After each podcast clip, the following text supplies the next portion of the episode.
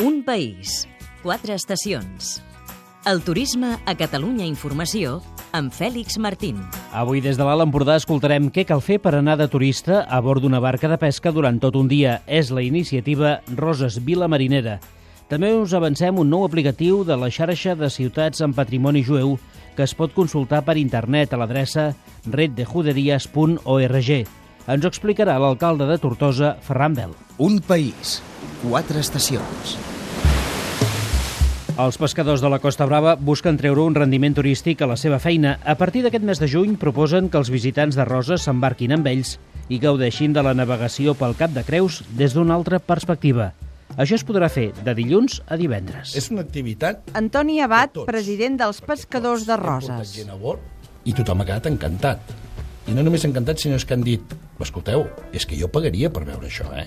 De rutes, depenent del tipus de pesca i de preus, n'hi ha de tot tipus, amb un requisit mínim, tenir 16 anys. A més, també cal tenir clar que els pescadors van a treballar. Qui es meregi, millor que es quedi a terra, perquè si no és per una urgència, ells no deixaran de fer la seva feina. crec que ningú es planteja si fa un vol transoceànic de que si es mereix que li paren a l'avió a mig camí, no? Miquel Doncs, Gotanegra, president de l'Estació Nàutica de Roses. Ha d'entendre que és una activitat dura i feixuda i ha de ser conscienciat i nosaltres no, no hem d'enganyar ningú vull dir, eh, la persona que s'embarqui ha de tindre clar que s'embarcarà a quarts de set del matí i tornarà entre 4 i 6 de la tarda i és una activitat que és la que és no? vull dir que quan jo em tiro el Dragon Can mm, no demano pas que me'l parin no? El dia abans de sortir en barca es farà un curs accelerat de seguretat. Amb això es busca també que el client faci estada a Roses. intentem de que això provoqui un estat al municipi, no? perquè realment un visitant de dia genera molt poca despesa, en canvi un visitant, un visitant que hi pernocta pues, sí que realment eh, té ocasió pues, de degustar peix als nostres restaurants o de fer alguna compra en algun comerç o, o d'allotjar-se en algun establiment hoteler. No? Això és realment el que intentem cada vegada més, cada vegada que organitzem alguna activitat. La pesca turisme es podrà fer des d'ara i fins al setembre, de moment, però, amb autorització només amb els vaixells que surten de dia. Però Antoni Bat no tira la tovallola. Imagina't que vingui un senyor estranger que pugui anar a la tranyina, que avui per avui no es permet, eh, a la nit, però que pogués anar a la tranyina, pogués agafar anxova, que aquesta anxova quan arribés al matí la pogués descaparrar, la pogués salar i ficar-la en un pot i que al cap de 7, 8, 9 mesos se la pogués menjar a casa seu a Alemanya.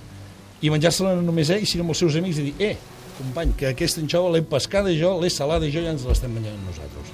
Jo crec que aquest senyor ha de quedar de tal manera tan encantat que serà qui ens faci la promoció d'aquest pack turístic, no? Per més informació es pot consultar al web de l'Ajuntament de Roses, les 3 Ws roses.cat i també el de l'Estació Nàutica, les 3 Ws en roses.com. El protagonista.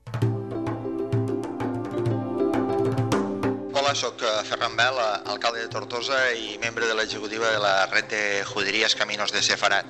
Eh, us convido a que poguéssiu eh, entrar a la pàgina web reddejuderies.org i aquí podreu consultar un nou aplicatiu, un nou aplicatiu que hem fet eh, des de Red de Juderies i eh, Google, on podreu consultar eh, els calls jueus de Catalunya, els cinc calls jueus, el de eh, Castelló d'Empúries, el de Besalú, el de Girona, el de Barcelona i el de Tortosa, i podreu consultar la seva història, podeu eh, visualitzar els espais de més interès, eh, podreu eh, programar una visita en estos calls eh, jueus. Val la pena.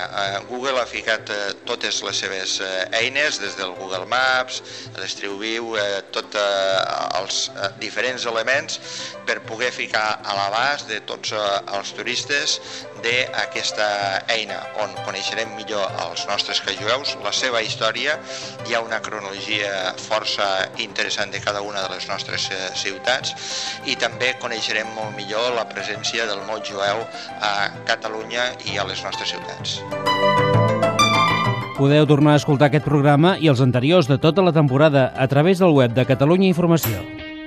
Un país, quatre estacions. Un programa realitzat des dels centres territorials de Catalunya Informació.